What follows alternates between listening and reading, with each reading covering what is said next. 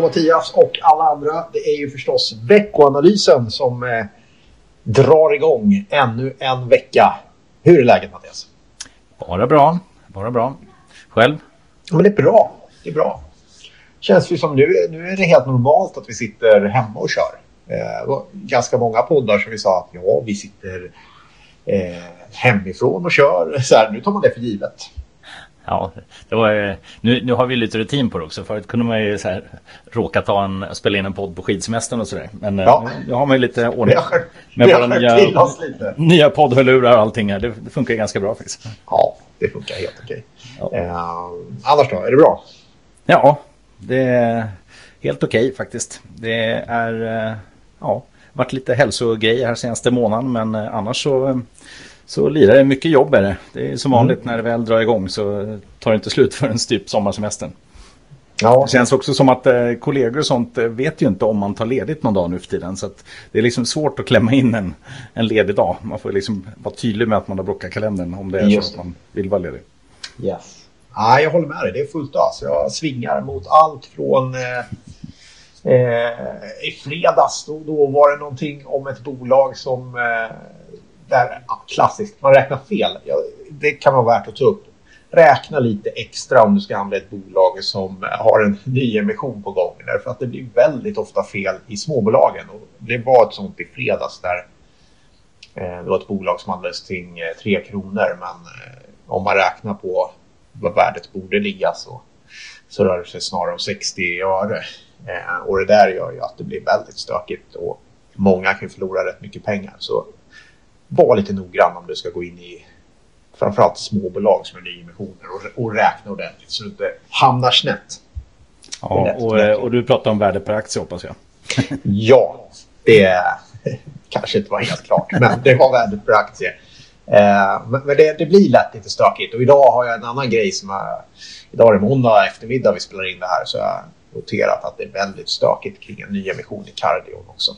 Så, så stökigt småbolag och nyemissioner och skicka väl med den brasklappen att eh, räkna både en och två gånger innan, innan du gör en affär. Låter bra. Men eh, annars så, så i eh, veckanalysen pratar vi lite grann om eh, hållbarhet idag. Och det där, mm. det är ju eh, både spännande och lite knepigt. Eh, men att eh, det är en faktor som man verkligen behöver ta till sig och, och, ha med när man investerar. Det kan man ju konstatera. Ja absolut, det är väl både när man investerar och även allmänt runt omkring så tycker jag att fokus är ju allt mer mot hållbarhet. Och jag tänker på eh, en del har vi ju fått gratis i lite omställningar tack vare corona faktiskt. Alltså jag tänker på resandet och så till exempel. Mm. Eh, där vi till exempel reser mycket, mycket mindre och även tidigare när vi kanske reste ibland på kundträffar och så så klimatkompenserade vi en hel del. Men det är ju, där har vi fått lite, lite hjälp av en, av en annars tråkig situation.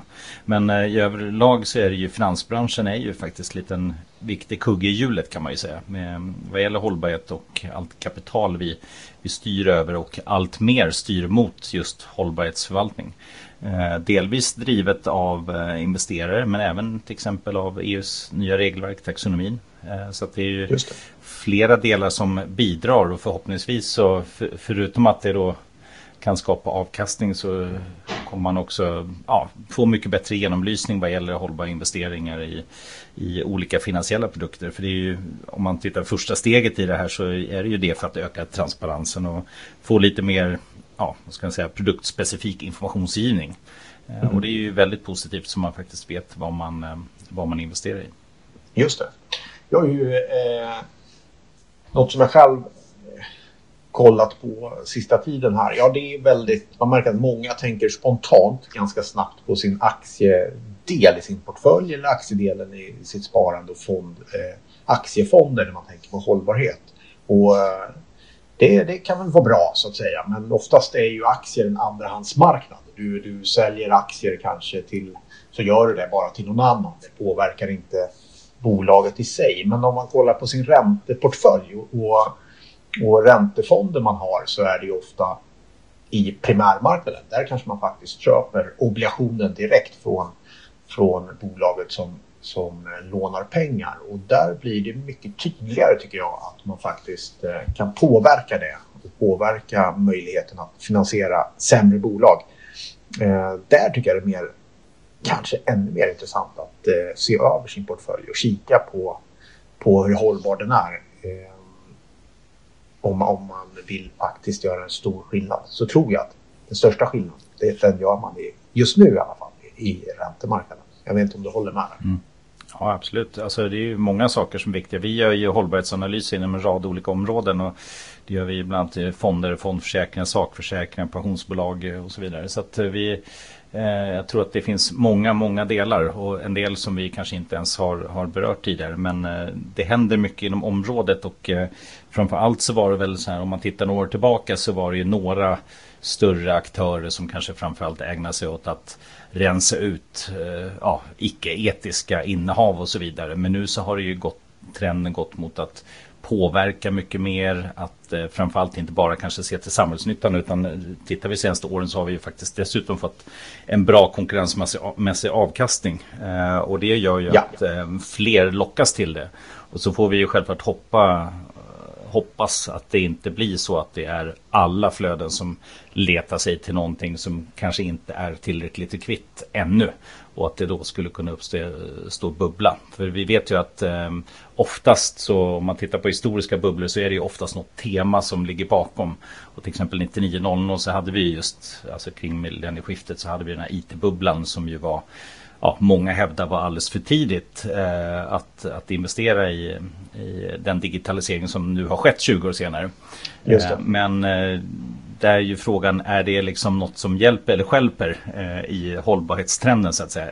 Att det kommer in väldigt mycket kapital eh, och då i och för sig kan gynna bolag som eh, investerar i det här men samtidigt så kan det ju gå lite för fort och så blir det som en, en bubbla och det, då är det ju negativt istället. Så att, eh, väldigt intressant att se vad, vart det tar vägen. Du, eh, ska gå in och hoppa och se lite grann på föregående veckans eh, viktigaste finansnyheter. Du, en väldigt intressant sak. Eh, Bank of America noterade eh, de största inflödena till aktiemarknaden någonsin. Då nästan 500 miljarder kronor sattes in i olika aktiefonder under en enda vecka. Mm. Eh, en av förklaringen till att börsen är ganska stark. Ja, eh, och fortsätter det så här så får man kanske fundera på om det är en bubbla inte bara inom hållbarhetstrenden. Men, eh, ja. eh, men det har ju gått väldigt fort och det, går, det är väldigt mycket flöden in till risktillgångar och inte bara aktier utan ja, det ser vi på, på många håll och kanter tycker jag. Men eh, det är klart, rapportsäsongen var ganska bra. Vinstestimaten går upp. Eh, det är en stark underliggande trend på börsen så det är inte så konstigt att det flödar in en del och faktiskt även om det är mycket kapital som går in i aktiefonder så är det ju faktiskt, titta till exempel på svenskarnas eh, nettosparande förra året så gick ju ganska mycket in i cash, liksom, i kontanter. Så att, eh, ja. det, finns, det finns, det finns pengar att ta på också. Mm. Ja. Om vi kollar lite till, eh, eh, ja det kom en hel del protokoll från eh, diverse centralbanker. Man kan konstatera att eh, de de verkar fortsätta på inslaget spår. Det finns inget som tyder på några, några snabba kursförändringar där utan det, det är fortsatt eh, fullt ös på pengakranarna. Ja, det är ju ja, samma från alla håll oavsett om det är i USA eller Europa eller Sverige så, så kommer ju alla med med den typen av signaler. Eh, och det är väl eh, ja, också något som hjälper börsen självklart. Yes. Så. Du, fanns det något på makrostatistikfronten förra veckan som är intressant? Ja, det kom ganska mycket. Sen vet jag inte vilka delar som, som man ska lyfta fram. Eh, kanske amerikansk detaljhandels statistik. Den var faktiskt starkare än väntat. Ökade 5,3 procent i januari jämfört med eh, januari året innan. Så det var ju faktiskt en riktigt bra eh, siffra. Sen så kom det lite blandat. Eh, till exempel preliminära inköpschefsindex. Eh, där var det USA som var bättre, euroområdet som är lite sämre. Eh, och gäller också industriproduktionen med samma trend faktiskt. USA lite bättre än euroområdet. Så det är, ja, den trenden består. Eh, precis som, som vi fick tidigare. Och eh, ja, eh, tittar man på BNP-statistik till exempel som kom förra veckan från Tyskland så, så visar den under fjärde kvartalet en negativ tillväxt. Så det är fortfarande en riktigt svag utveckling i framförallt eurozonen. Mm. Eh, kollar man lite på den här veckan då så har vi en eh, rapportsäsong som eh, ja, den fortsätter ju i, i, full fart men det kanske inte är riktigt lika spektakulära bolag. Det är betydligt mindre bolag som rapporterar nu och kommer ju göra det ett par veckor till här. Men eh, vi kan väl konstatera som du sa, ja, en helt okej okay rapportperiod. Eh, mm. Och eh, den sa väl precis som vi trodde att, eh, att det skulle se helt okej okay ut. Men, men också väldigt osäkert framåt hur, hur hur det kommer att öppna upp igen. Och, och, det får man väl ha respekt för att det är inte så lätt att veta det. Nej, och det gäller ju att hitta liksom nästa trigger. Alltså nu har vi fokuserat mycket på rapporterna. Nu är det väl säkert lite mer makro initialt. Men sen så vill man ju framförallt se självklart att vaccinationen, att det drar igång ordentligt nu. Att det börjar ge effekt på och att det verkligen öppnas upp ekonomier. Det, blir det fördröjt en gång till eller med en, en tredje våg med kanske olika mutationer. Då, ja, då kan det nog bli lite negativt effekt på det. Yes. Vi kan också konstatera att eh, räntan fortsätter ticka upp lite grann. Tycker du, när tycker du man ska börja bli orolig för att det påverkar aktiemarknaden? Nej, inte än. Alltså Nej. inte om man jämför ja, vinsttillväxt i, på aktiemarknad och så vidare. Nej, och i alla fall inte om man tittar på olika historiska nyckeltal så tycker jag det fortfarande ser ut som att nej, då, då finns det fortfarande utrymme kvar i det perspektivet. Sen har ju aktier gått väldigt fort. Men, eh, men vi är ju fortfarande lite optimistiska. Så att, nej, jag ser inte riktigt att, att det är just räntan som ska knäcka aktier just nu. Absolut inte. Då är i så fall är det andra saker. Yes. Någon eh, annan makrostatistik som man ska ha koll på tycker du den här veckan? Ja, men eh, IFO-statistik i Tyskland kommer ju. Eh, Annars hade vi, eller har vi eh, lite olika konsumentförtroendemätningar. Vi har eh, Consumer Confidence i USA eh, och eh, väntas ju stiga något och det kommer också i konsumentförtroendemätningar från Tyskland, Italien och Frankrike. Så lite mer kring konsumenters humör som ju har stor påverkan på, på tillväxt och börs. Det, det är väl det vi ska se fram emot.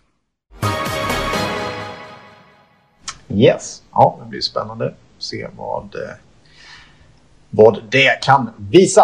Eh, om vi kollar lite på börs och bolagshändelser så är det precis som jag sa. Det, har varit, det, det fortsätter ramla in en hel del eh, mindre bolag under hela veckan. Skulle jag vilja påstå. Eh, så där får ni väl hålla koll på själva om ni är lite intresserade av mindre bolag och vad som kan tänkas komma. Det ramlar in också fortsatt ganska stora europeiska bolag eh, under veckan. Mm. Har vi någonting annat?